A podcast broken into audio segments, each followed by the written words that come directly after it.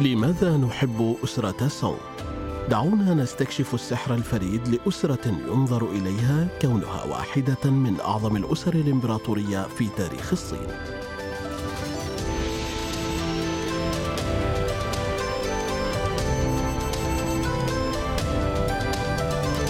الحلقة السادسة عشرة قوة الزهور في أسرة سونغ في هذه الحلقة سنتجول في حديقة زهور أسرة سونغ ونكتشف كيف لعبت الأزهار مثل هذا الدور المهم في حياتهم اليومية.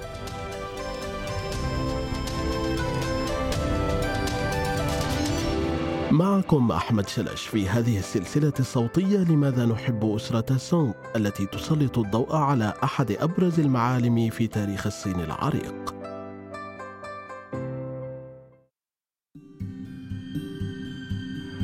عندما تكون فقيرا تكون سعيدا بالحصول على أساسيات الحياة. عندما تصبح أكثر ازدهارا تبدأ في جمع الأشياء التي بالمعنى الدقيق للكلمة. ليست ضرورية لكنك ترغب فقط في الحصول عليها. ولكن بعد ذلك تحتاج إلى تبرير وجودهم بطريقة ما. أنت تجمع وتتباهى وتزين. يسمي بعض الناس هذا علم الأشياء.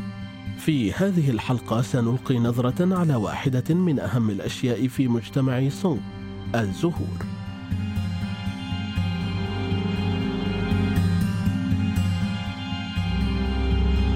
لم تكن الزهور مجرد رمز للازدهار في عهد أسرة سونغ، ولكنها كانت جزءا من توسع المعرفة وتطور العلم الذي حدث في ذلك الوقت. إلى جانب الإصلاح في التقنيات الزراعية وإدخال البذر الثاني للمحاصيل لزيادة ريع الأرض، كان هناك أيضا تجارب في تربية المحاصيل لإنتاج حبوب وخضروات وفواكه ذات جودة أفضل، وكذلك الزهور أيضا.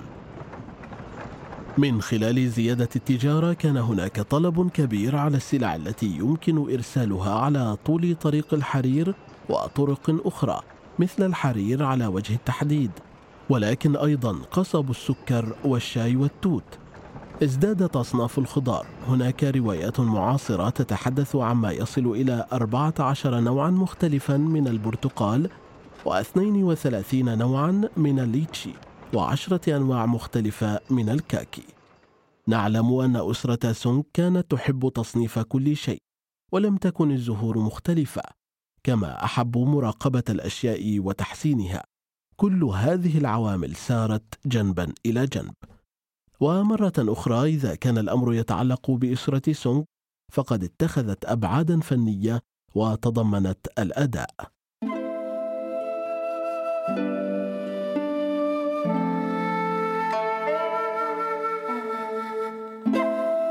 راقب زهرة ما غير الطريقة التي نمت بها. افهم التغيرات. هل هم جيدون أم سيئون؟ هل النتيجة جميلة أم قبيحة؟ هل تؤدي التغيرات إلى تحسين حياتنا أم لا؟ وهكذا دواليك. ربما نناقش الزهور وبراعمها وأوراقها الواقية هنا. لكن ضع في اعتبارك أننا نتحدث عن شيء كان يحدث في مجتمع أسرة سونغ في إدارته والعلوم والتكنولوجيا والفنون والزراعة والتجارة. ولكن عندما تتفوق الزهور على الأجزاء الأخرى من الاقتصاد يمكن أن ترتبط بالعاطفة أيضا. في إحدى قصائد البلاط كتب الإمبراطور سونغ خوي تسون لأسرة سونغ عن جمع عشرة أزهار وأوراقها الواقية معا الكأس أمسك الكأس المكون من عشر أزهار لإقناع القائمين على المحكمة بشرب المزيد وفي الليل المظلم يتحول وجه المضيفة المخمور إلى اللون الأحمر في ضوء الشموع أفضل رسم حجاب لتلك الإجراءات.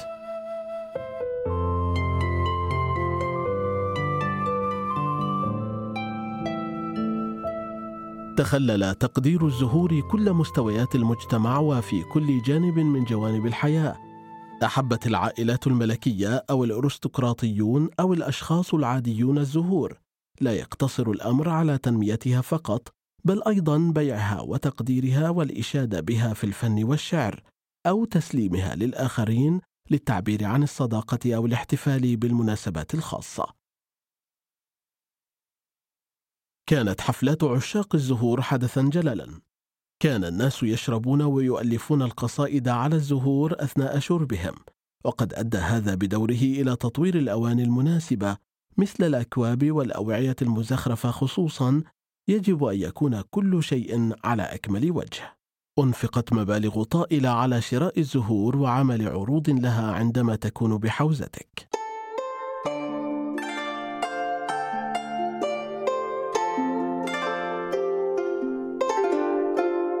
وصف الكاتب جومي من أسرة سونغ الجنوبية عرضا خاصا للزهور. ويحكي عن حفلة فاخرة أقامها رجل يدعى جان كونغ فو جاء جميع الضيوف للجلوس في القاعة ينتظرون هناك دون أن يحدث أي شيء. ثم سأل السيد خادمه هل الزهور عاطرة الآن؟ أجاب الخادم نعم. ثم أمر السيد خادمه بفتح ستارة وفاح عطر مذهل ملأ الغرفة كلها برائحة الزهور.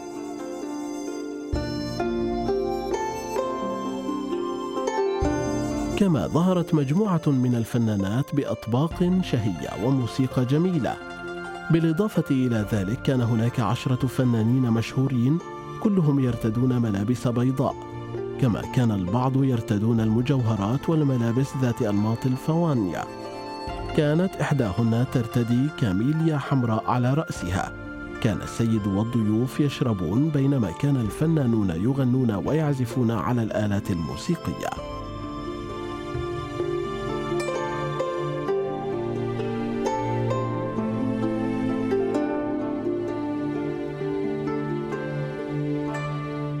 بعد أن انتهت الحفلة انسحبوا أغلقت الستائر وأخذ الضيوف يتجاذبون أطراف الحديث مع بعضهم البعض.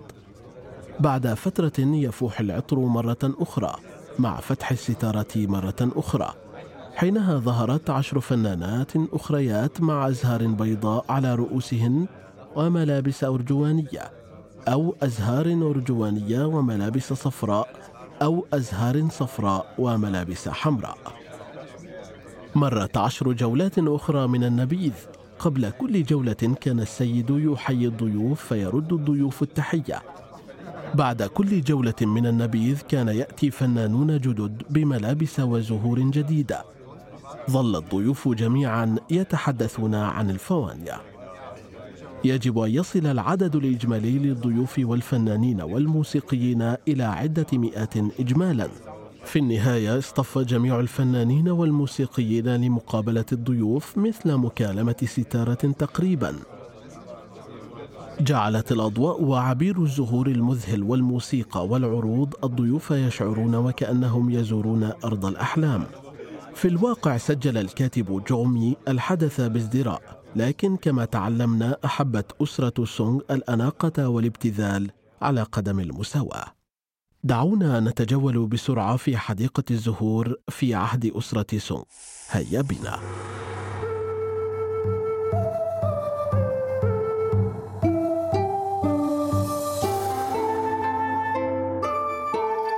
تسبق زراعة الفوانيا عهد أسرة سونغ بدأت مع تانغ عندما كانت الزهرة تزرع في الحدائق الإمبراطورية وانتشرت تدريجيا في جميع أنحاء البلاد. منذ ذلك الحين ظهرت زهور الفوانيا مرارا وتكرارا في الشعر واللوحات والتطريز الصيني مما يمثل الثراء والنبل والأنوثة والميلاد الجديد. تعد زهرة البرقوق رمزا للشتاء. ستجد العديد من اللوحات والقصائد وأوعية الشرب التي تحتفل بجمال ورقة زهرة البرقوق خلال عهد أسرة سونغ تمثل زهرة الأقحوان النبل والأناقة أيضاً. يعتقد أيضا أنها تجذب الحظ السعيد إلى المنزل وتمثل الحياة السلسة كما أنها تمثل طول العمر. لكن في الوقت الحاضر ترتبط زهرة الأقحوان أكثر بالجنازات لذا من الأفضل عدم تقديمها كهدية. يمكن رؤية حب وسحر زهرة الأقحوان من قبل شعب أسرة سونغ في بداية مقالة زهرة الأقحوان التي كتبها الكاتب فان دا من أسرة سونغ الجنوبية. من يعيش بعزلة في الغابة يرى زهرة الأقحوان كرجل نبيل لأنه لا يزال مزدهرا رغما عن الصقيع البارد في مثل هذا الموسم حيث يبذل كل شيء.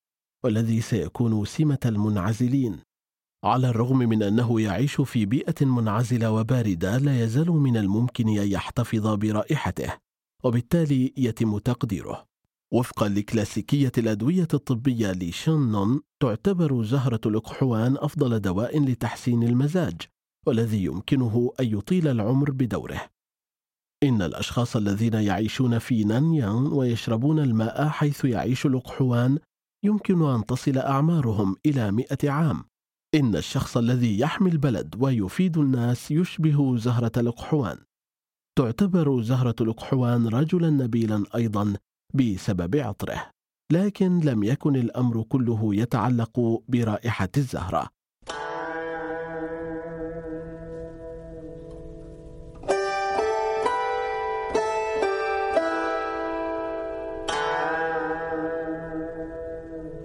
كان دوار الشمس شائعا أيضا كزينة.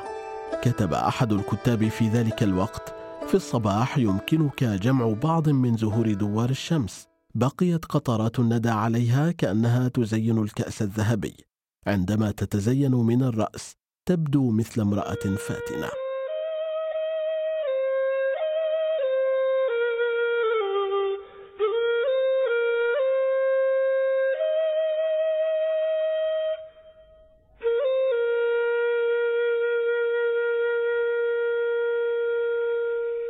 كان ينظر إلى النرجس على أنه مثل أكواب النبيذ أو الاواني وهكذا تم تصميم أكواب واواني النبيذ لتبدو مثل زهرة النرجس.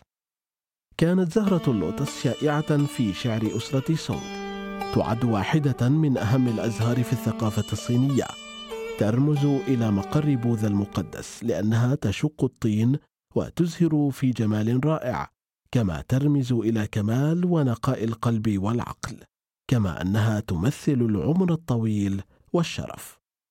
ورد ذكر اللوتس في مقدمة قصيدة كتبها الشاعر سوشي بأسرة سونغ بعنوان الشرب وحده في الأيام الممطرة. نفيت في خينان فصرت أبيع أكواب النبيذ كلها واحدا تلو الآخر لسد جوعي وستر جسدي. إلا كوبا واحدا تبقى. كوب شبيه بورقة اللوتس. أجد في هذا النموذج الدقيق سلوى لقلبي عندما أستأنس به بمفردي. يعتبر الخوخ أفضل هدية في عيد الميلاد. كتب الشاعر تشاو بوجي من أسرة سونغ الشمالية خمس قصائد لزوجته. يصف فيها وليمة أقيمت في الحديقة الجنوبية حيث عاش الشاعر. يكتب عن رؤية براعم أشجار الخوخ وأشجار المشمش تكلم عن تقديرها أثناء شرب الخمر في أواني نبيذ ذهبية على شكل براعم الخوخ. كم عدد اللوحات والقصائد وأعمال الخط وأواني الشرب والأواني الفخارية المستوحاة من هذه الأزهار؟ من المستحيل عدهم جميعا لكنني متأكد من أن شخصا ما في أسرة سونغ لديه شغف بالفهرسة وحاول أن يفعل ذلك.